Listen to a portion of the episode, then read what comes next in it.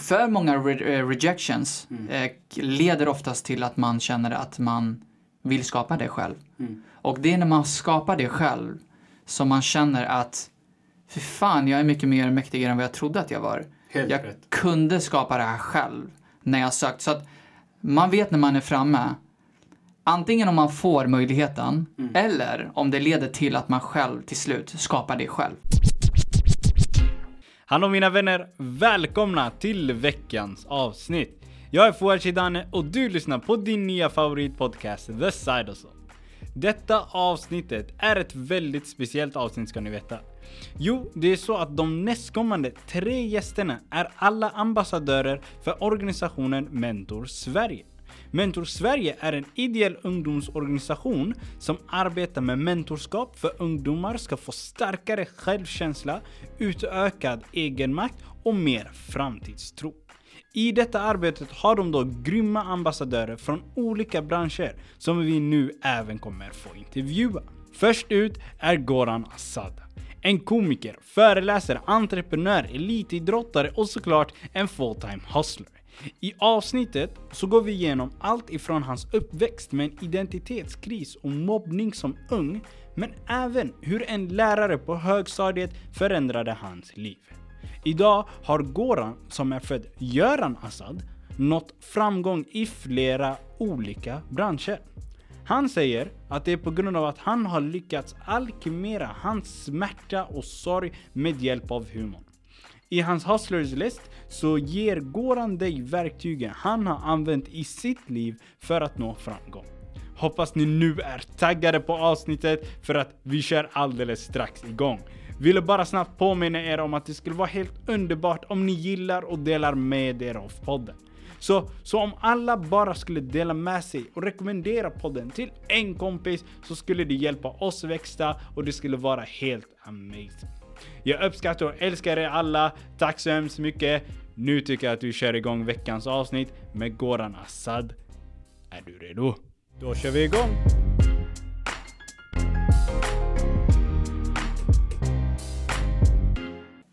Välkomna till veckans avsnitt! Jag är programledare för Chitane, men det vet ni redan. Och idag så är vi i Studio Stockholm. Idag så har jag fått den fantastiska äran att få intervjua komikern, föreläsaren, entreprenören, elitidrottaren, kulturpedagogen Goran Assad. Min kära vän, välkommen till Design alltså. Tack så jättemycket min vän. Hur mår du? Jag mår jättebra. Hur mår du? Jag mår jätte, jättebra. Ja, man Jätte- sitter ju här med dig, ska man klaga eller? It takes one to know one. Har du fått en fin start på veckan? Jag har fått en fantastisk start på veckan. Det Mm. har varit eh, lite möten och, och lite andra eh, Mm. projekt eh, som vi håller på att starta. Så det har varit en bra, bra start. För de som inte vet vem Goran Assad är, skulle du inte kunna ta... Eller hur beskriver du dig själv? Jag skulle nog säga att jag är en person som eh, lyckats alkemera mina motgångar, sorger och trauman med hjälp av humorn till att läkas. Eh, redan som ung så fick jag eh, tidigt en, en medvetenhet eh, där jag fick möjligheten att ställa djupa frågor om existens och identitet som i sin tur gav mig möjligheten till att lära känna mig själv. Inte om eh, vad jag heter eller vad andra människor tycker att jag borde bli eller göra, utan om vem jag är, vad mitt syfte är med, med det här livet och min tid här så att säga. Och eh, på tala om vad du heter.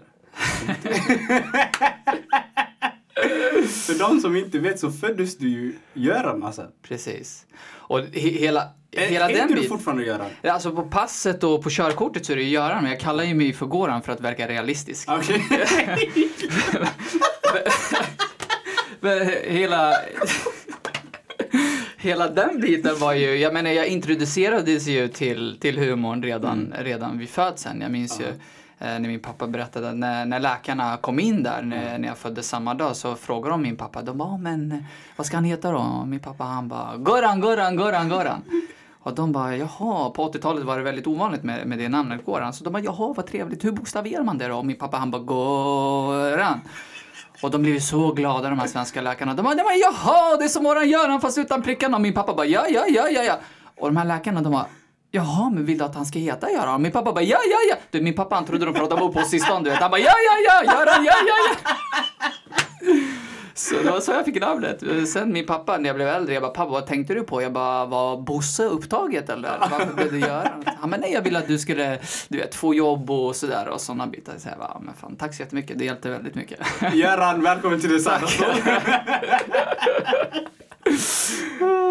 Nej men, men alltså, då har du varit då, du sa att anledningen till varför du inte introducerar dig själv som Göran, det är för att vara realistisk. Precis.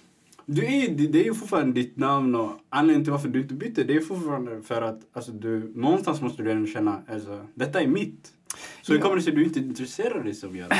Det, det är för att eh, det, jag, jag använder ju namnet Göran när jag ställer mig på scen för att eh, bryta isen och, och eh, just att, att strida emot de här strukturella normerna om vad vi definierar som svensk. För att jag mm Eh, identifierade mig inte så mycket som svensk eh, eh när jag var liten för det var den uppfattningen som folk liksom eh, gav eller satte på mig det här med att ah, men fan, du kan inte heta Göran, du ser inte ut som en Göran. Så att jag ifrågasätter just det här med svenskhet. Vad är svenskhet? Är jag svensk? Hur blir man svensk? Väldigt tidigt, redan som sjuåring.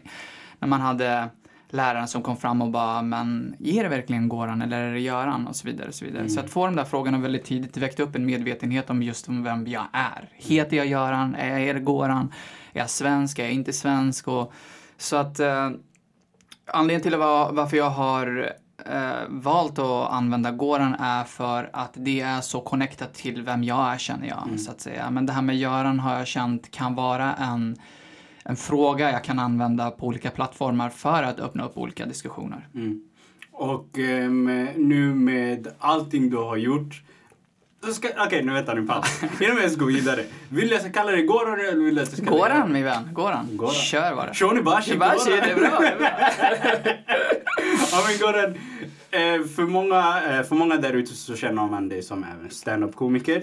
Eh, du startade din karriär 2004 och 2008 så startade du din och grundade du din första stand-up-klubb. Comedy Planet. Yes. Kommer du ihåg ditt första stand-up-gig? Ja, det gör jag faktiskt. Och hur var det? Jag kommer ihåg när... Um, vet, hela min resa har inte varit så enkel. Utan mm. Eh, det började väldigt tufft. Mina föräldrar rymde från ett blodigt krig mellan Iran och Irak eh, mm. på 80-talet. Och eh, de lyckades ta sig till, till Iran, till gränsen där och från Iran då till Italien. Mm. Där min mamma gav liv till sitt eh, tredje barn då. Mm. Eh, och redan en månad efter att hon födde sin son så började hon må dåligt och efter en checkup på sjukhuset så visade det sig att eh, hon var gravid igen.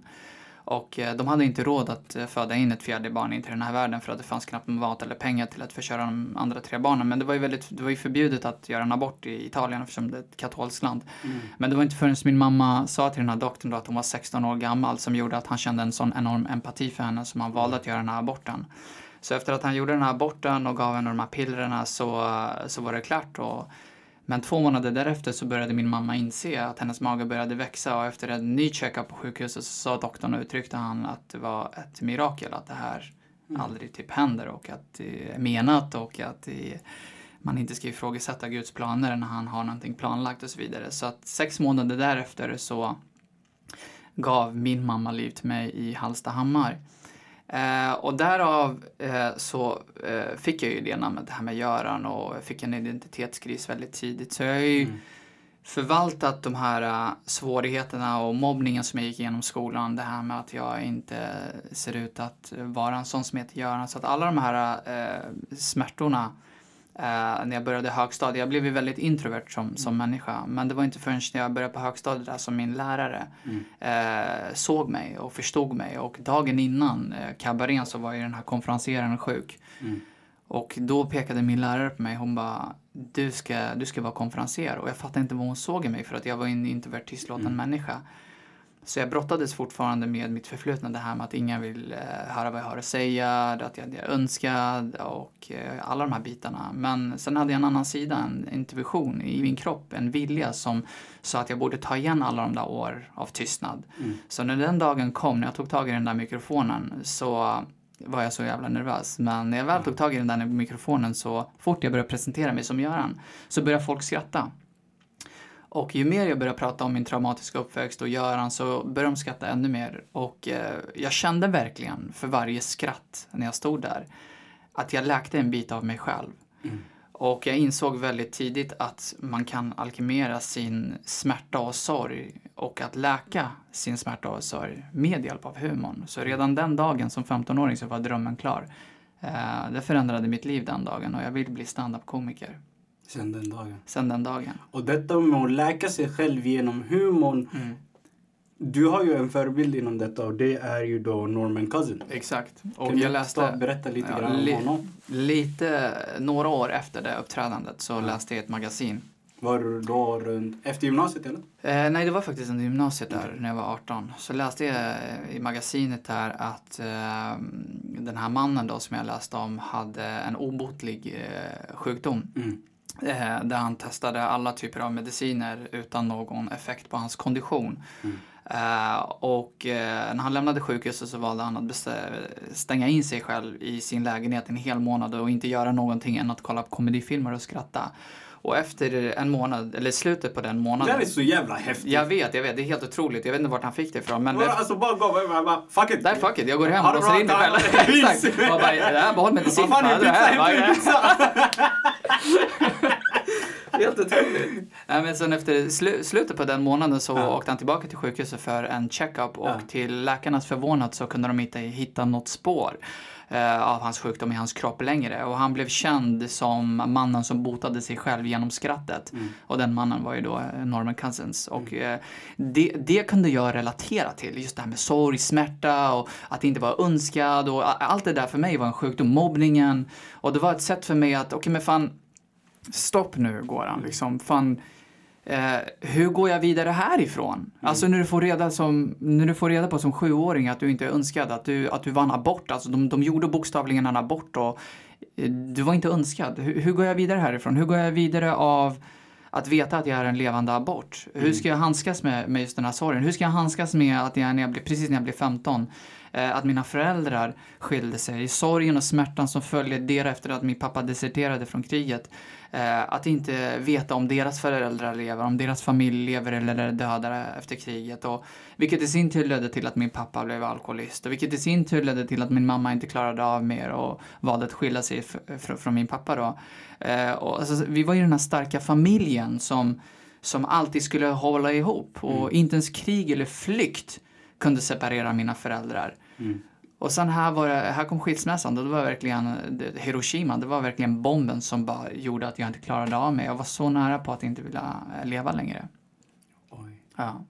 Och när, men när du pratar om traumatisk uppväxt, när du får veta som sju år, kommer du, kommer, kommer du ihåg det samtalet? Jag kommer ihåg det. Jag kommer ihåg det samtalet. Och eh, jag kommer ihåg att min mamma berättade till mig när jag var sju. Vad- Och sen var det så här- Ettan? Precis. För att jag insåg, jag, jag vet inte vad det var, men jag insåg att jag var lite annorlunda hemma. Jag hade tre äldre syskon som, ehm, som, som var lite mer dominerande än vad jag var. Jag var väldigt tystlåten, försökte göra min röst hörd, men jag förträngdes alltid, förtystades alltid. Mm, mm. Och det är så här syskonkärlek, du vet. Och mamma vill inte ha dig, hon ville döda dig, och man, du, du, du död, du var en levande abort och så vidare. Och så vidare. Men, men, men det är liksom, man är ju ung, man förstår inte vad som sägs och det kan ju Mm. följa med i sin tur utanför hemmet när man blir retad, retad av sina syskon i skolan också, vilket i sin tur blir offentligt sen. Mm. Och då får folk reda på att ah, men där är den där killen som egentligen inte skulle finnas till och så vidare. Och så vidare. så det är tufft. Vet du vad det verkar som ändå?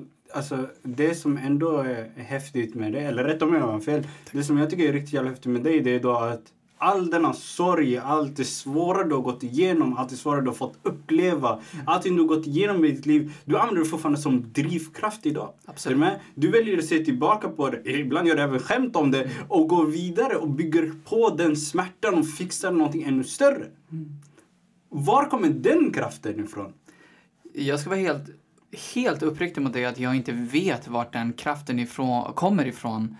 Jag, jag, om jag får gissa så tror jag att den kommer ifrån utifrån eh, svårigheter som jag får möta när jag träffar andra människor. Och jag tror verkligen och är helt övertygad att eh, svårigheterna som vi personligen själva går igenom är ett sätt för oss att ta upp och plocka upp och förvalta det till våran egen eh, framgång så att säga, till att hjälpa andra människor som går igenom eh, olika typer av svårigheter. Det behöver inte necessarily vara samma typ av svårigheter, men alla går igenom svårigheter och det gäller för folk att bara kunna känna att de kan relatera till det du pratar om. Och jag tycker det finns för lite autenticitet i vårt samhälle idag och för mycket du vet, eh, glitter och glamour så att säga. Så jag tror att det har varit min största framgång, det här med att vara så rå i min berättelse när jag träffar människor om om att men här är den här elitidrottaren, svart bälte i taekwondo och här kan jag sitta och prata om att jag inte är önskad, att jag blev mobbad och då kan ju ändå de här killarna och de här flickorna du vet, känna igen sig men om han, om han har gått igenom allt det här och ändå står på sina fötter och kan vara så ärlig med med, med sin berättelse och svårigheter. Eh, och om han ändå har klarat sig, då kan ju jag också klara mig. Men många av våra vuxna förebilder, tyvärr känner jag i alla fall, möter inte dagens unga på det sättet utan vi möter dem utifrån vad vi har eller typ eh, eh, det, det, det, ska, det, ska, vara du vet snyggt, allt ska vara perfekt och vi ska ha det där eh, du vet det där huset, du vet de där pengarna, det är så mycket materiellt så att man glömmer bort just den här autenticiteten och att det är det ungdomarna connectar med, inte vad man har. Utan det är den här att ungdomarna går igenom otroligt, otroligt svåra tider just nu och de behöver verkligen någon som kan möta dem i de här svåra stunderna. Mm. Och det är ju flera tusentals ungdomar, ni- alltså både du och din fru har varit runt om landet och föreläst för. Varför känner du att ungdomarna var så viktiga och du vill hjälpa dem i just det stadiet av livet? Jag tror att det har att göra med att jag själv var en av dem som gick igenom så otroligt svåra, eh, tuffa eh, motgångar när jag var liten. Så jag tror verkligen att det har mycket med att jag läker mig själv med att möta dem utifrån eh, svårigheterna de går igenom för att jag kan spegla mig själv i dem. Det är fan win-win. Det är 100 procent. Och jag tror att det är därför vi är här. Vi är här för att eh, agera som ett glitter och sprida lite av vårt glitter till andra så att de också kan skina. Att ge dem möjligheten till att eh, känna att de är betydelsefulla. För att det känner inte många ungdomar idag, att de betyder någonting. Att de inte har en plats här. Utan det gäller att ge dem möjligheten till att känna att de är betydelsefulla och att vi behöver dem. Och på tal om behöva någon och på tal om glitter på scen. Kommer du nu ihåg ditt första gig? Det var faktiskt den på när jag var 15. Ja. Eh, men när jag väl gav mig in i branschen Ja. Och stand-up stand-up Ja. så minns jag mycket väl. Jag var en hungrig ung man Ja. eh, från en liten stad i Eskilstuna eh, efter studenten. Och det- Oj, så föräldrarna hamnade i Eskilstuna? Ja, jag är född och uppvuxen i Eskilstuna. Eh, Hallstahammar dock är jag född i, men vi flyttade veckan efter att jag föddes till... Ja, ligger det är utanför Västerås. Okej. Så veckan efter att jag föddes så flyttade vi till Eskilstuna, så indirekt så kan man väl säga att jag är född i Eskilstuna, jag är uppvuxen Och där. idag bor du i Stockholm? Nu bor jag i Stockholm. Mr Worldwide! Ja, Mr. Worldwide. Nej men så eh, flyttade från Eskilstuna och för de som inte vet, Eskilstuna är en väldigt, väldigt liten stad. Det finns ingenting att göra där än att mjölka kor. Så det är väldigt litet. Så jag var ju väldigt, väldigt hungrig liksom för att komma från en sån liten stad till att flytta till storstan. Eh, till Stockholm liksom. Vad är det? Nej, det kunde jag som jag kan Så, nej men jag bara, du vet, efter gymnasiet så valde jag att flytta till Stockholm och eh, började jobba som säljare och eh, men sen levde den där drömmen kvar, det här med att bli standup-komiker från högstadiet för jag märkte och kände att det fanns en enorm eh, potential där att människor tyckte att jag var rolig. Men eh, så såg jag på tv en dag. Mhm. och sen såg jag Zinat Pirzadeh. Eh, stod hon där på scen och fick folk att skratta och folk respekterade henne och eh, applåderade åt henne. Och Jag bara kände liksom så en, att det var någonting som talade till mig när hon satt och berättade om sin flykt till Sverige och att hon stod där på scen och det var en dokumentär om henne på SVT. Mm. Så jag valde att skriva ett mail till henne direkt efter jag såg det. Så jag skrev ett mail till henne, tog det initiativet och berättade om vem jag var. Eh, fick inget svar, eh, det gick någon vecka och sådär. Men sen var jag ute och jobbade och sen kom jag hem dag, slog på datorn och såg att jag hade fått ett mail från henne. Okej. Hur hon beundrade mig som person och att hon tyckte att jag var ödmjuk. Hon bara överöste mig med massa komplimanger. Jag tror att det är det som eh, förklarar väldigt mycket om vem hon är och varför hon är så älskad. För hon ger så mycket ut av sig själv. Mm. Ehm, så hon bara, här är mitt nummer. Eh, jag ska uppträda på social, Socialhögskolan det här datumet. Uh, vi ses den här tiden. Och jag bara minns att jag satt där och bara wow, shit. Fan vad sjukt. Ett mail, ett initiativ ledde till att jag är ett steg till att uppfylla min dröm som komiker, att få möjligheten. Och hon var helt fantastisk och eh, berättade om hur många minuter jag skulle få och eh, vart vi skulle vara. Sen när jag ställde mig på scen och fick min möjlighet att köra några minuter så fick jag alla att skratta och jag kände så här direkt efter de skratten så kunde jag göra en överblick till eh, mitt uppträdande när jag var 15 på högsta. Jag kände exakt samma känsla. Jag bara, det här är det jag vill göra. Mm. Och veckan efter det uppträdandet med Zinat, hon bara, du är jätteduktig, du har talang. Hon bara, vi ska jobba ihop och så vidare. Så att hon banade vägen för mig faktiskt. Så jag slutade mitt jobb två veckor efter det uppträdandet. Mm. Och din första mentor och förebild. 100 procent. Mm. Och hon var den som öppnade upp dörren för mig. Och jag är otroligt tacksam för det. Och just i din komedi då, alltså det verkar ändå som, alltså om man tar som ett exempel Dave Chappelle. Mm. Mycket av hans komedi det är ju då storytelling. Ja, men berättar en story, har en bra punchline vid slutet, Mm. berättar lite roligt vid mitten. Men det är Ja. ändå en story. Absolut. Känner du att du liknande i den aspekten av storytellingen i din komedi? Ja, alltså jag tror, eh, man har ju olika typer av storytelling. Okej. Eh, Jag tror absolut inte på att ställa sig på scen och att prata om allt möjligt. För att Nej. jag tror att publiken måste kunna relatera till eh, vem du är. Jag menar om du är Eddie Murphy så behöver du inte ställa dig på scen och, och köra en personlig story och så vidare. Nej. Men är man en person som människor inte känner till då är det väldigt viktigt att börja presentera vem man är och köra en bakgrundshistoria och väva in humorn i det så att folk kan minnas ditt uppträdande, så människor kan lägga dig till märke och så vidare. Och så vidare. Så att eh, stand-up i grund och botten handlar om att vara personlig. 90% av stand-up handlar om att vara personlig, att berätta om vem du är. Så att publiken kan relatera till dig. Men som sagt, är du någon som alla känner till, då har du inte den typ av press att då kan du prata om vad som helst och folk skrattar oftast så mycket utav det du säger för att folk vet vem det är. För vi är ju så jävla mediakåta så att vi, vi skrattar åt allt om vad kända människor säger eller gör. Men blir det, blir det för din del då nu med alla års erfarenhet du har inom branschen. ehm, blir det något framträdande som sticker ut mer för dig och någon speciell story som du känner, ja men den var bra. Jag känner att eh, om man har en story i sig själv som man känner som känns bra så tycker jag att man ska hålla sig till det och köra på det. Det finns, i just komikervärlden så finns det liksom en, eh, en idé av att man har, så kör man ett 45 minuters gig så har man ett material som man alltid kör. Alltid. Eh, Det finns folk som har kört i 15 år och kör precis samma material på 45 minuter. Eh, Jag är en person som gillar att utmana mig själv. Jag har en tendens att stå på scenen och improvisera. För att jag går in i tanken av att han eller hon har säkert sett mig på YouTube. Ja. det blir inte samma typ av upplevelse. Så jag tar faktiskt mitt jobb på fullaste allvar. Jag känner att det här är människor som har kommit hit för att se mig. Eh, Jag tänker inte ge mig in i den bekvämligheten av att jag har ett material klart. Utan jag vill ge det där lilla extra också, skriva lite nya skämt också, men ändå väva in det i det gamla som jag har. Så jag försöker ändå att eh, värdesätta människor som tar sig tiden för att se mig, för att det är så otroligt humbling. Och på tala om humbling, Ja. på tala om framgång. Ja.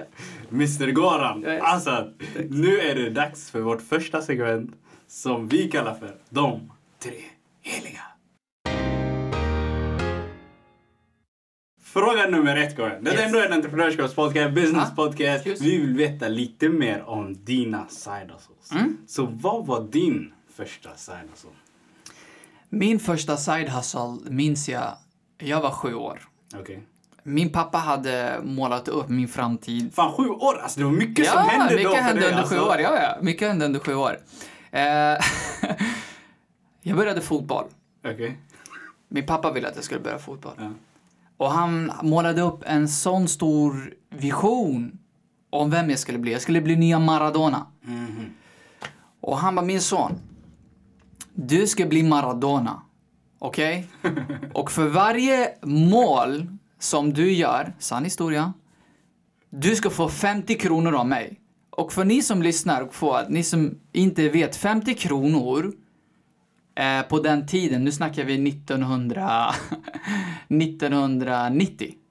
1900 way back. Way back! Och 50 kronor på den tiden motsvarar kanske 200 spänn Okej. idag. 200-250 kronor, det var väldigt mycket pengar. Och han bara, för varje mål du gör så får du 50 kronor. Mhm. Och det blev en drivkraft till mig. Jag bara, men gud fan nu kan jag ju nog köpa det där som jag vill ha eftersom nu har jag möjlighet att tjäna pengar. Så min pappa, jag minns han följde med mig till de här fotbollsmatcherna och du vet, jag gjorde inte ett mål, jag gjorde fyra mål, jag gjorde fem mål, jag gjorde sex mål, jag gjorde sju mål, jag gjorde åtta mål. Och han gick i konkurs till slut. Han bara, vad är det här? Det blev en jävla abonnemang här. Han började låna pengar från vad är det här dig. för någonting? Och jag minns.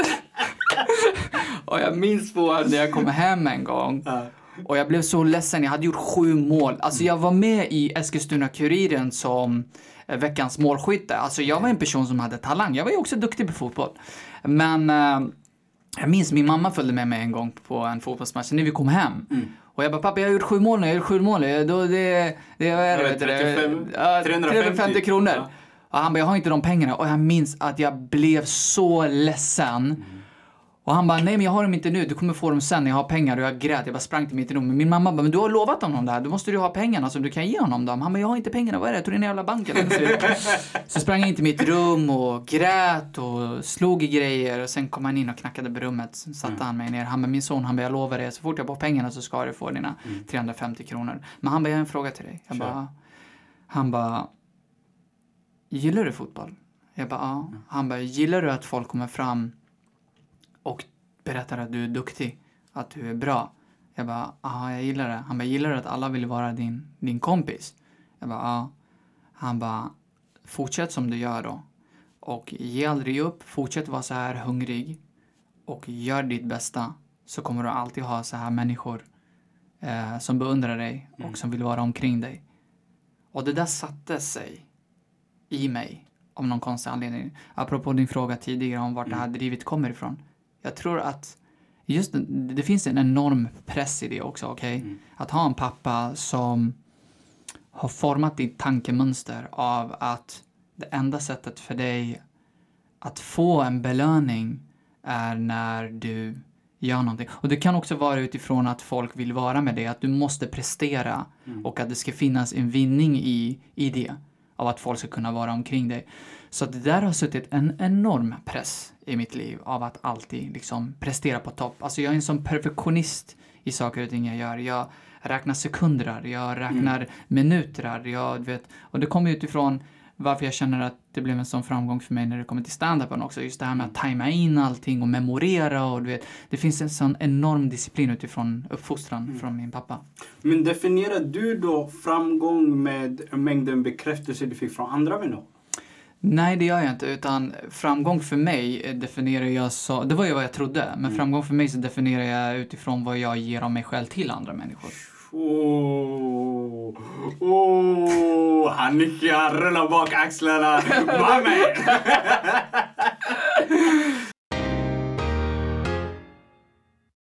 Men ditt första företag du startade, på tal om side och full time hustles, det var då Comedy Planet eller? Comedy Planet, precis. Yes. Min standupklubb. Hur var det att starta ditt första företag inom någonting du ändå har en passion och ett driv för? Det kändes jättebra för att jag kände så här att utifrån det... tjäna pengar på det också? Ja, precis. Vi började förhandla med dem i baren i klubben på, jag tror, klubben som jag körde på hette Bonden bar, Car- Carpe Noctam i, på Medborgarplatsen. Vad hette det? Bonden bar, Ka- Carpe Noctam. Ja, det Ja, detta med exotiska namn. Exakt. Nej men så, eh, jag tror att den där effekten av det välkomnandet som jag fick av Zinat och just det här med att eh, hon gav mig en möjlighet kände jag också att jag ville ge till andra. Eh, så jag kände att den där möjligheten, jag ville också öppna upp dörrar för andra människor att eh, få möjligheten att uttrycka sig och uppfylla andra människors drömmar eftersom jag fick den chansen av henne. Så eh, det kändes jättebra att kunna få ge tillbaka. Vet du vad? Bra jobbat. Tack så jättemycket. Okej, Goran. Fråga nummer två. Vi har ju som regel i denna podd Yes. att ehm, det är väldigt bra att lära sig av andras misstag.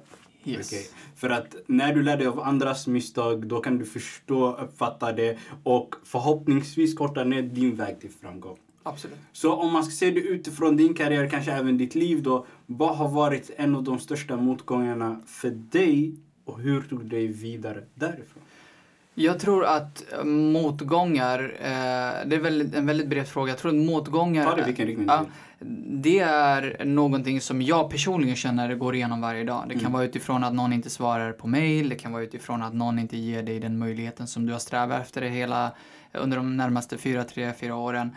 Eh, jag tror nog att man behöver hitta olika förhållningssätt till motgångar. Jag tror, jag, jag tror inte på motgångar i sig, utan jag tror mer på att det är någonting som formar oss utifrån min berättelse och historia. Att det är någonting som man kan förvalta. Det gäller att hitta olika sätt att förvalta motgångar till någonting positivt. Sen om någon, eh, om du har något du vill uppfylla och att det inte blir det på det sättet, att du inte blir den personen de har valt. Jag brukar säga att rejection is only uh, redirection. Eh, det är bara någonting som leder dig till någonting annat. Det finns ingenting som heter att du blev rejected, utan det var bara ett sätt för dig att byta eh, navigeras vidare till, till det du är menad till. Att, eh, att komma till din destination som var menad så att säga. Så jag brukar säga att re- rejection is only a redire- redire- redirection. Så eh, jag känner att motgångar eh, är någonting som faktiskt är någonting som alla vi människor och hinder går igenom varje dag. Men att det gäller att hitta olika förhållningssätt till att hantera och lära sig från det vi går igenom. Mm. Men om det blir en redirection för varje gång, när vet man... Ja, men, mm, nu, nah, made it. När, när vet man när man är framme vid det målet? Alltså, när vet man, ja men kanske detta inte är menat för mig. Alltså om, man, om det alltid blir en redirection, då kommer ju man inte fram, eller? Vet du vad jag känner att när man, eh, när man är framme? Jag känner att när du börjar eh, jobba med ditt ega, egna skapande så har du kommit fram. Om the rejection blir så många gånger tills Gud, universum, Buddha, Jesus säger till dig du kan göra det här, du kan skapa det. För att för många re- eh, rejections eh, leder oftast till att man känner att man vill skapa det själv. Och det är när man skapar det själv som man känner att för fan, jag är mycket mer mäktigare än vad jag trodde att jag var. Helt jag rätt. kunde skapa det här själv när jag sökt. Så att man vet när man är framme, antingen om man får möjligheten eller om det leder till att man själv till slut skapar det själv. Genom att skapa ett eget produktionsbolag, genom att skapa en egen, eget AB, genom att skapa en egen verksamhet och så vidare. Och så vidare. Har du en eh, redirection som sticker ut för din del i ditt liv som du bara shit, jag skulle aldrig tro det skulle hända. Eh, jag minns en gång när jag började köra stand-up. Och jag minns att jag blev... eh, jag fick inte köra på en klubb för att jag klassades som en rookie. Och jag Okej. förstår ju det. Och, och, och jag kände att det var bara en sån grej av att inte få möjligheten bara för att jag var en rookie. Jag menar, jag tänker så här, fan alla har varit nybörjare. Så att till och med den personen som rejectade mig och sa att men du har inte tillräckligt erfarenhet för att uppträda här. Då kände jag så här, men fan vadå, alla har varit nybörjare. Det är klart man måste ju få börja någonstans. Helt. Eh, jag fick ju köra på vissa klubbar, men just den klubben motiverade mig till att känna att skapa ett namn i branschen som skulle bli så pass starkt av att jag inte skulle bli rejected once ever again. Eh, så det, den rejection gav mig möjligheten och eh, vet det, motiv- motivationen till att starta min egen standupklubb. För att när man har en egen standupklubb så har man ett eh, osynligt språk av att man har du vet, det, det det är ett utbyte man ger till varandra. Man, man liksom byter frekvens helt och hållet och man blir en mer du vet, respektabel människa. För att alla komiker behöver någonstans uppträda. Ja. Allt ifrån etablerade, rookies, nybörjare och så vidare. Och så, vidare. så då började jag liksom attrahera till mig etablerade ståuppkomiker. Vi hade Måns Möller, Hasse, Hasse Brontén, Petra Mede, Björn Gustafsson som körde på min klubb och då började man connecta med alla de här vargarna och på så sätt så vart, klassades jag inte längre som en rookie utan jag gick tillbaka till den klubben jag ville köra på så öppnade de dörren och sa. I'm back, I'm here. Förstår du? Så att, men på min klubb så spelade ingen roll vilken som uppträdde. Jag kunde ha Petra Mede direkt på scen Mm. och efter att hon gick av scen så kunde jag ha en rookie. Mm. För att jag har ett helt annat synsätt på saker och ting. Mm. Alla måste få möjlighet. Alla måste få en chans att uttrycka sin kraft. Mm. Och den chansen måste man ge människor som verkligen vill det. Och du vet, alltså nu när du säger detta med redirection, så jag tycker det är superintressant för att eh, alltså, The Side Hustle startade ju på grund av en redirection. Ja, det är så? Yes sir! Ja, det blir rejection? Ja. Ah, ah, ah, ah. Så den, rejection som jag då fick var då att ehm, jag hade blivit av med ett jobb i början av coronapandemin och jag Ah. bara men alltså fan jag trodde det var mitt drömjobb typ och man bara "Ja, vad fan ska jag göra nu? Mm. Och då var det, jag lyssnade på olika entreprenörskapspoddar, tyckte det var superintressant och jag bara Alltså sitter man där på toaletten någon dag och bara, Mm. man starta en egen? Är du med? Så sitter vi här idag och man bara, alltså detta med... Ja, jag gillar det citatet. Så det bra. var så himla Så klockrent. bra, så bra. Men på tal om citat, jag har rätt för dig och jag vill höra din take på det. absolut. Och då är det också från Norman Cousins som vi pratade om förut. Okej. Han säger så här. Death is not the greatest loss in life. The greatest loss is what dies inside us while we live. Vad är din take på det? Min take på det är att det är så, så viktigt. Eh, för att vi alla Mm. har någonting som vi vill uppfylla. Men på grund av rejections, kanske någon gång, eller att någon inte tror på en, så försöker vi hitta anledningar till att vi inte kan eller har möjlighet till att uppfylla våra drömmar. Mm. Och jag tror att eh, den där drömmen dör i tystnad eh, med en själv. Mm. Så att eh, jag känner att att leva med det är som att vara död. Mm.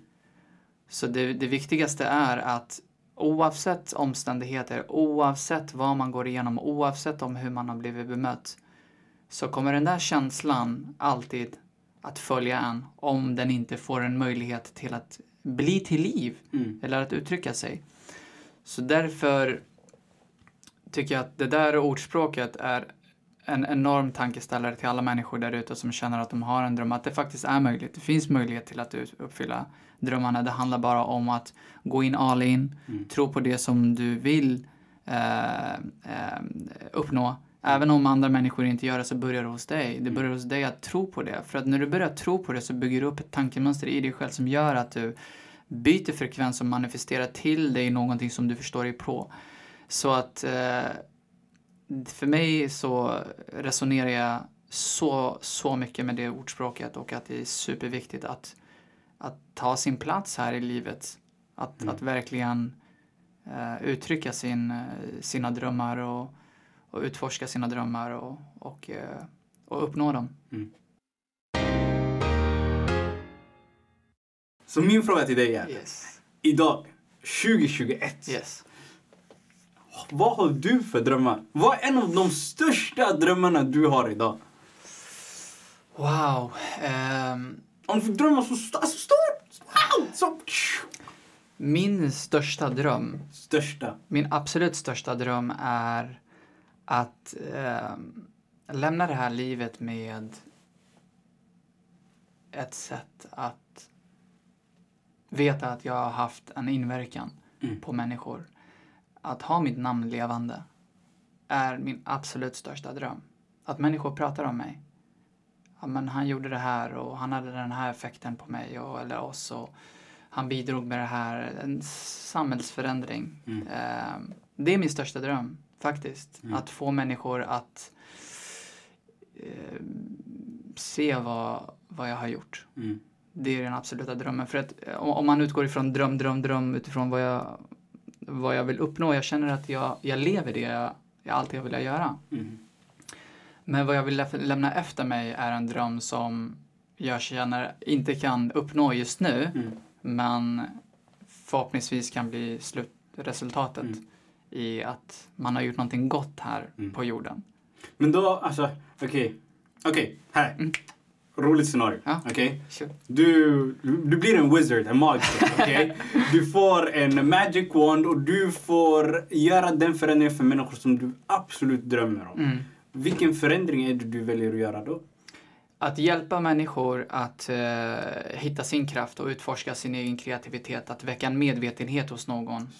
Mm. Att väcka en medvetenhet hos eh, människor som de inte har varit medvetna eh, om tidigare. Mm. Och eh, den största framgången från, för, för det utifrån vad, eh, mitt, mitt arbete har jag känt kan vara utifrån att eh, dela med utifrån vad jag har varit med om som också kan ge dem en insikt utifrån de svårigheter som de går igenom som de också kan förvalta till någonting positivt. Mm. För att det finns en enorm story, alla vi bär på historier.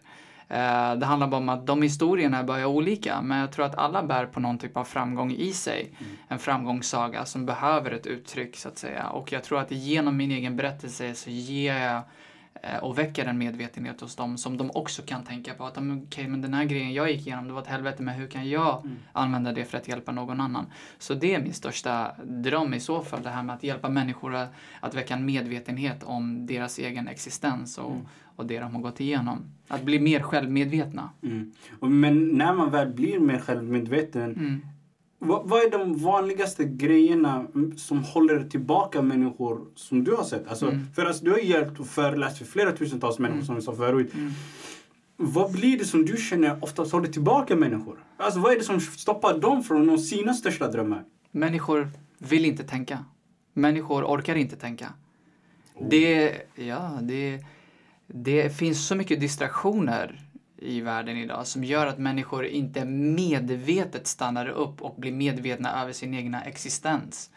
Så det finns så mycket sånt som tar ditt fokus ifrån din egen being eh, som gör att människor eh, inte har tid eller vill eller har ork och inte har lärt sig att eh, tänka. Nej. Och det blir jobbigt till slut.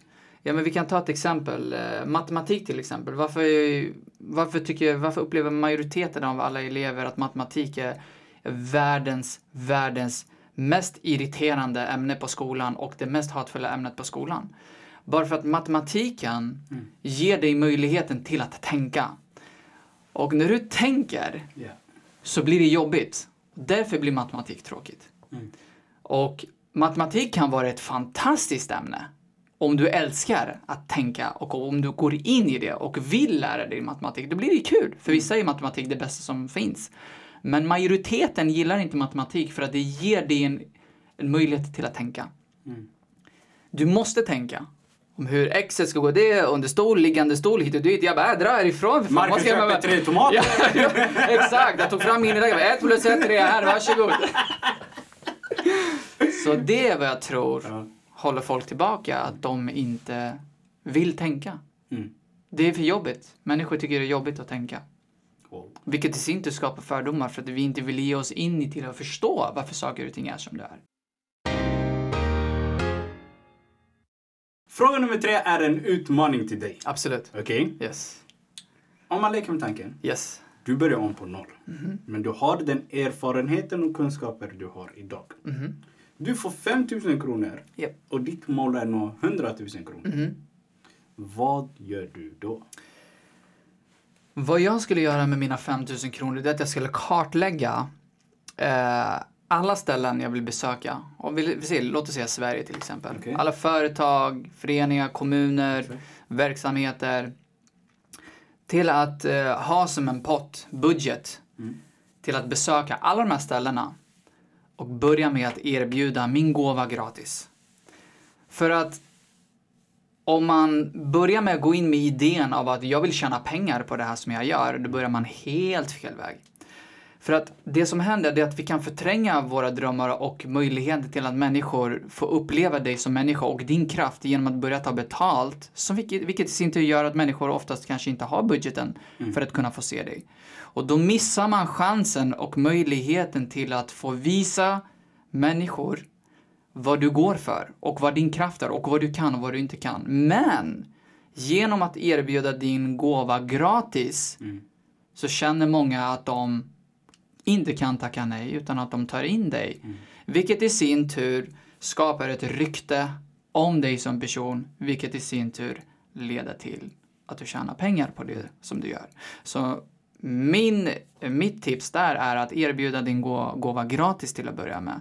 Jag började ju jobba gratis på klubbar med som standup Jag tog inte betalt. Det fanns ju folk som hade kört en gång och bara ville kräva betalt från arrangören. Och då, det, det, det är fel väg att gå. Man måste liksom bygga upp ett momentum, ett rykte, en, en, en tillit. Att visa folk att man vet vad man gör, vad man vet vad man pratar om, man är påläst gällande ämnet eller branschen, yrket och så vidare och så vidare.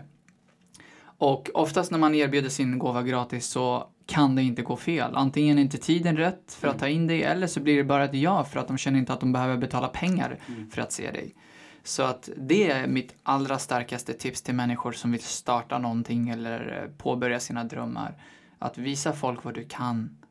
Ge människor möjlighet till att se dig. Mm. Och genom att kräva betalt i början kan förtränga idén av att visa din talang.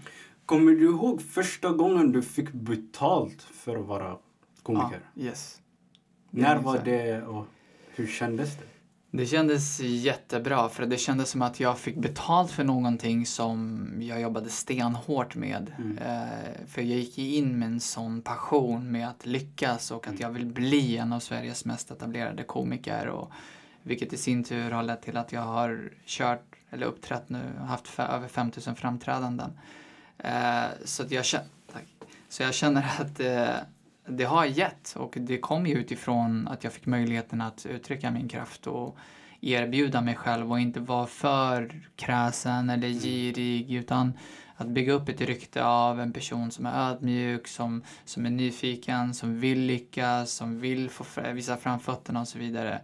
Och, och alla, de, alla de stegen, alla de där små baby steps ledde ju till den där första paychecken vilket i sin tur gav mig insikten av att shit fan, eh, att få betalt av att stå på scen och prata och få människor att skratta är ju liksom det jag alltid har Alltså, få drömt om. betalt för att få människor att skratta. Ja. Vet du hur häftigt du låter? Ja. Alltså gå till, jag ber dig, alltså snälla.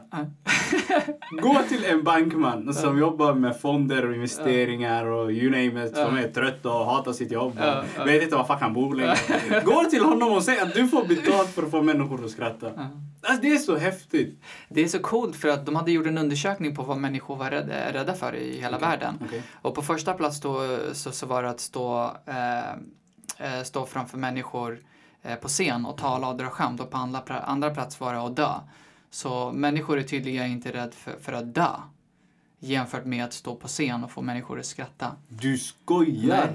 Och det, man kan ju bara minnas tillbaka när man var liten när man skulle ställa sig där framför klassen och hålla ett föredrag. Hur man står där och bara liksom eh, darrar och är så nervös. Och det var en ganska intressant undersökning faktiskt. Människor är tydligen inte rädda för att dö, men att stå framför scen och skämta, det är något folk verkligen känner är det mest läskigaste som finns. Mm.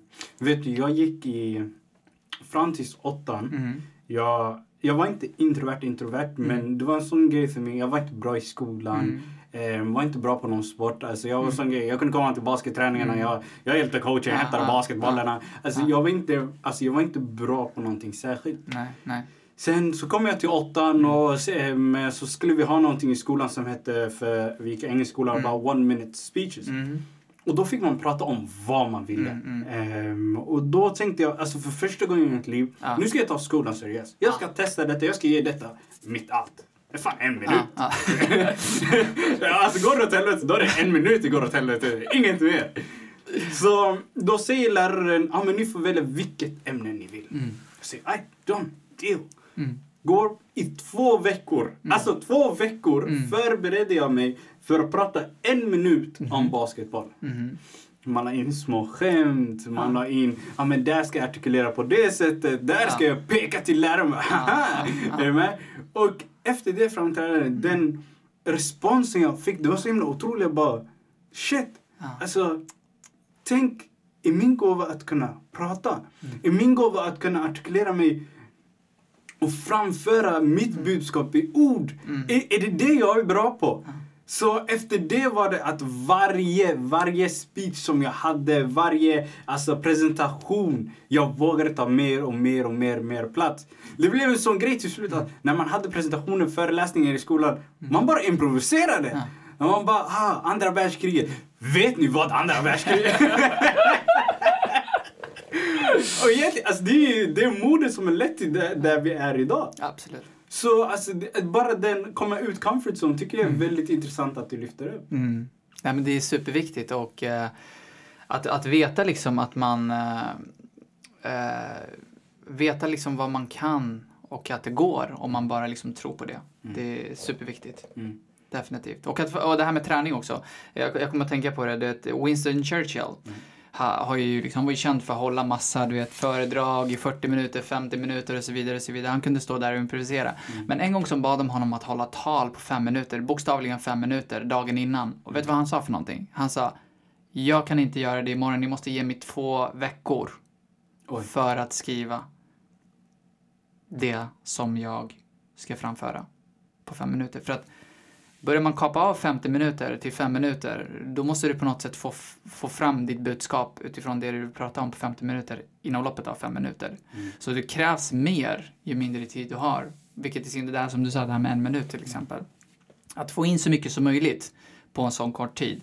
Så det finns en sån enorm disciplin i att hålla tal och stå på scen. Och Förutom just det här med att vara nervös och, och så vidare. Men, men ett, ett, ett ansvar faktiskt. Jag har jättemånga som bara, men vadå, du behöver inte vara rolig, du kan bara ställa dig på scen och bara säga någonting. Och du vet, det där är så, så disrespect och känna sig att vadå, bara för att jag inte kan vara rolig, att inte få skratt, men ändå att visa att jag ändå vågar stå på scen. Nej, nej, det, det är inte så jag jobbar, utan jag tar det verkligen på fullaste allvar. Människor har kommit dit, de har betalat, de har kommit dit för att se en. Så det gäller liksom och inte bara, ah, men skit i hur det går. Nej, tror du Michael Jackson, han skrev Man in the Mirror, tror du han tänkte så här, ah, men jag ställer mig på scen och uppträder, jag skiter i hur det går. Nej, han, han, han gör det så bra som möjligt för att människor är där för att se honom. Eller var för att, där för att se honom, precis som alla andra artister. Det gäller liksom att värdesätta sitt eh, yrke och det man jobbar med. Och med tanke på dina yrken, Ja. du är alltså mer bara företagare. Vi nämnde ju elitidrottare Mm. i början på den här introduktionen. Jag alla, alla yrken som du gjort, kulturpedagog, hela köret. Elitidrottare, du har varit med i svenska landslaget i taekwondo, Mm. du har blivit uttagen till VM. Där måste du berätta. Ja, alltså det... För alltså komiker vanligtvis, de är lite större och. Du kommer bli för... Taekwondo var, var ett sätt för mig också, eh, ett sätt för mig att uttrycka mina känslor. Eh, det fanns en enorm läkning eh, med att börja taekwondo där under den perioden när jag var 14-15 Mm. eh, som, som hjälpte mig till att eh, bygga upp en sån disciplin och få ett sånt momentum i min personliga utveckling. Och taekwondo handlar inte om att gå och spöa folk utan det handlar om att förstå sig själv, förstå sina känslor, förstå sin kraft. Det är en väldigt eh, eh, emotionell inre resa man gör i sig själv men man känner för varje slag, för varje spark hur starkare man blir mentalt, emotionellt, spirituellt och så vidare. Eh, så att eh, jag körde ju taekwondo fram till att jag var 25, där någonstans, 24, nej förlåt, till jag var 20, 21 där någonstans. Och då precis när jag var på väg och eh, livnära mig på stand-upen, typ efter sex, sex månader, eh, så skulle jag precis ut på en turné. Och då kom ju svenska landslaget, jag kom in i svenska landslaget i samband med det och skulle åka ut till VM och köra VM då i Kina 2006. Och här kommer liksom twisten i det hela. Det här är faktiskt första gången jag avslöjar det. Okej. Eh, Exclusive på the side alltså. Jag gav bort min VM-plats. Till någon annan. För att jag inte... jag gav bort och oj. jag kunde ha levt med egot av att känna Ja, men jag går och kör VM. Jag var ju liksom första rankad, jag var ju A-rankad för att eh, köra VM i Kina.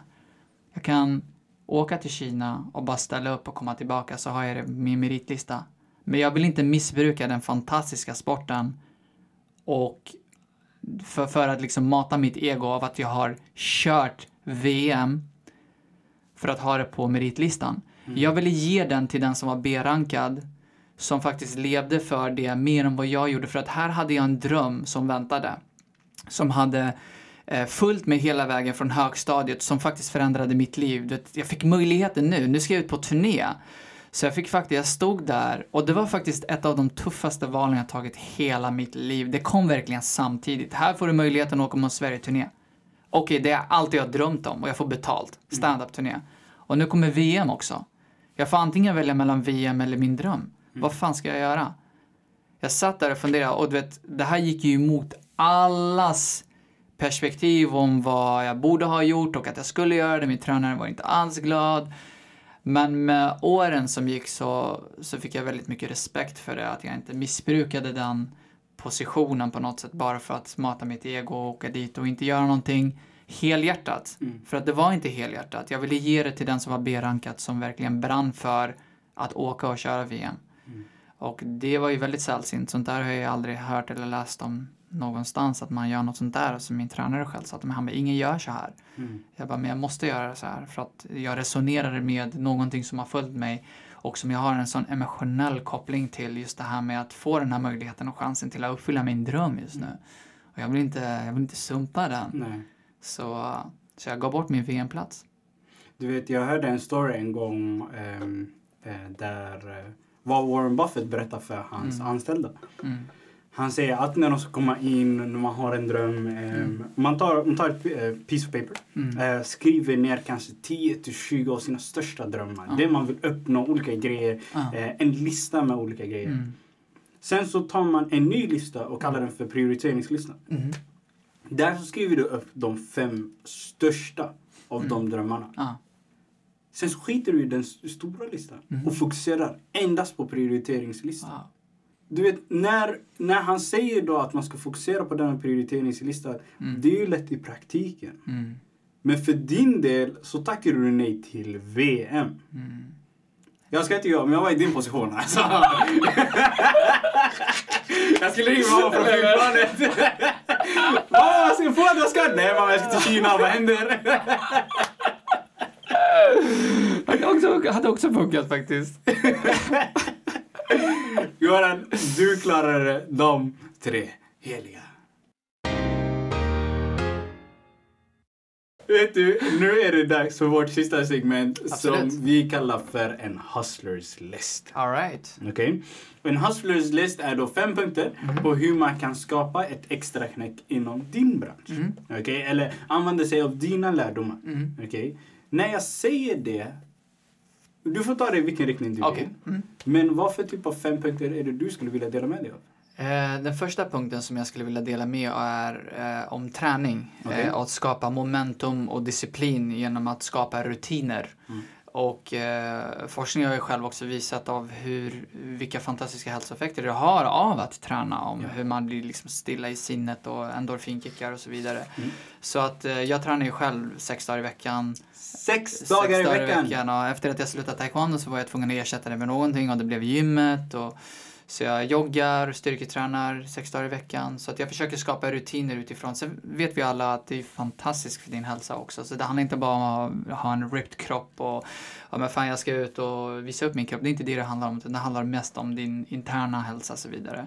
Att eh, skapa rutiner och må bra och äta bra. Så träning för mig är väldigt, väldigt viktigt. Så punkt nummer ett är träning. Träning, 100 procent. Andra eh, punkten är att vakna fem på morgonen. Och anledningen till varför jag har... Varje dag? Varje dag. Förut, jag skulle nog säga skippa lördag söndagar. Eh, den här punkten med att vakna fem på morgonen handlar mest om att utmana dig själv. För att jag gillar oftast att göra sånt som majoriteten inte vill, kan eller, eh, eller vill göra så att säga. För att det handlar om att skapa mer tid. Hur kan vi skapa mer tid för oss själva? Och det finns en enorm, de som vet, de vet ju det också, att det finns en enorm koppling till ditt högre jag så att säga. Eh, och en helt annan typ av medvetenhet med att vakna så tidigt. Det är så tyst och du känner en intern koppling mellan dig själv och ditt högre jag. Och eh, i den tystnaden så, så föds väldigt många eh, saker som, som kommer till en. Eh, just i den tystnaden om hur man ska göra vissa saker och vilket val man ska ta och så vidare inför dagen. Och man får så mycket mer tid för sig själv och för att kunna eh, designa sin dag genom att vakna så tidigt. Men främst så handlar den punkten om att utmana sig själv. Att göra sånt som inte känns bekvämt. För att det är där vi växer som människor. Du vet, eh, nu, eh, ibland så har man varit tvungen att vakna. Alltså, inte för att jag är motiverad på det sättet, nej fuck. Det är mer, ah, jag vet man ska resa jobbet, någonting. Mm. Nu när det är, blir ljusare tidigare och tidigare. Japp. Om man vaknar så tidigt, rätta mig om jag har fel, och, alltså solen är ute och så. Mm. Ja. Det måste vara alltså, harmoniskt. Det är en jätteharmonisk känsla. Det känns som att man på något sätt vattnas av solen innan en solen är uppe. Alltså du är filosof. du är filosof. You say so brother. Okej, punkt nummer tre. Punkt nummer tre är initiativ. Eh, precis som det initiativet jag pratade om innan, det här med att ta det där steget att så fort jag till exempel såg Zinat på tv till exempel, att ta det där initiativet som talade till mig. För att, hur, att belysa dina talanger, hur ska folk kunna veta vad du kan eller vad du har att erbjuda om du inte ehm, tar det samtalet eller om du skickar iväg det mejlet eller eh, ge människor en möjlighet till att se vad du kan. Så initiativ är en, en väldigt, väldigt viktig punkt. Att, att våga ta initiativ. Det där samtalet, det där mejlet kan förändra ens liv bokstavligt talat på en enda sekund. Ta initiativ. Ta initiativ. Punkt nummer fyra. Punkt nummer fyra eh, skulle jag säga, se dig själv i spegeln varje morgon när du vaknar och säg 10-20 positiva saker om dig själv. Ehm, att använda ord som jag är, jag har och inte använda ord som jag vill för att det jag vill är en strävan efter någonting som du fortfarande inte har. Utan vi måste på något sätt bli vår egen motivationsbooster. Det är en sån tid vi lever i. Folk kommer inte varje dag klacka, klappar oss på axeln och säger att vi är På tal om jätteduktiga. bekräftelse va? På tal om bekräftelse. Vi måste ge oss själva den bekräftelsen vi förtjänar. Och det är lite tabu i Sverige att säga att man är bra på någonting. Men vi måste bli bättre på att säga att vi faktiskt är duktiga på någonting till oss själva.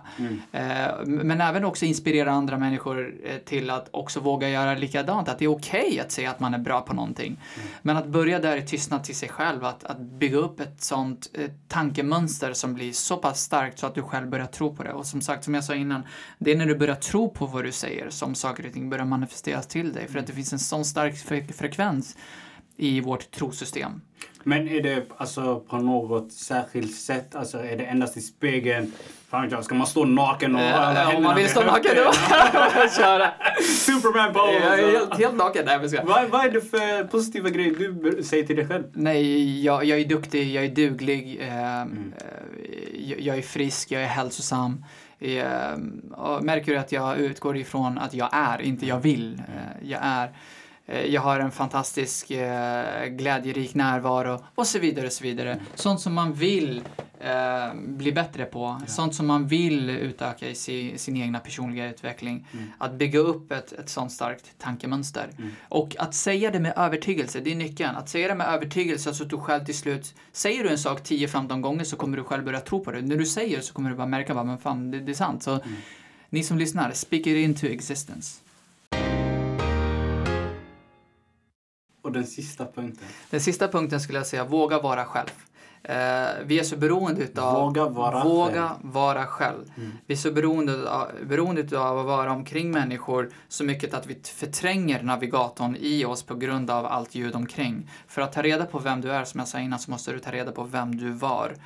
Eh, så det är jätte, jätteviktigt att våga eh, finna tid för att vara med sig själv och för att lära känna sig själv. Och det kan man bara göra under de tysta, eh, tysta stunderna för sig själv. Know thyself.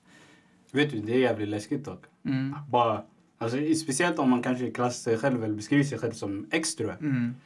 Bara ta tiden att vara själv Mm. är läskigt. Det är jätteläskigt. Men det ger oss också en, eh, en större utmaning till att utmana oss själva till att våga eh, få tid till att vara själva. Jag är också jätteextrovert som människa. Men jag har också lärt mig till att navigera till att det finns så mycket mer också i att våga vara själv och inte vara så beroende av att ha människor runt omkring oss. Utan att man, man fixar det, man klarar sig liksom. Boom. Ja. Och de här fem punkterna idag, det är träning. Punkt nummer två, vakna klockan fem på vardagar. Och det är för att du ska kunna utmana dig själv. Punkt nummer tre, det är fan att ta initiativ. Punkt nummer fyra, 10 till 20 positiva grejer varje morgon. Och då ska du säga jag är, jag är framgångsrik, jag är snygg, jag är världens bästa poddare. Exakt. Jag är. Kör. Och punkt nummer fem, våga vara själv. Yes. Goran Assad, tack så hemskt mycket. Fouad, tack så jättemycket för att jag fick komma. Kära side hustlers och full-time hustlers. Ni har lyssnat på The Side Hustle med mig, Fouad Shedane. Teamet består av Ottilia Tuneroth, Beatrice Ha och Heidi Botic. Originalmusiken gjord av Kevin Rastenberger. Tillsammans med er lyssnare ska vi samla ihop en miljon kronor till Förorten. En entreprenörskapstävling som vi ska ta till Göteborg och Malmös förorter. Vill du ha mer information gå in på www.thesidehustle.se eller besök The Side Hustle Sverige på våra sociala medier. Until next time, ha det så bra!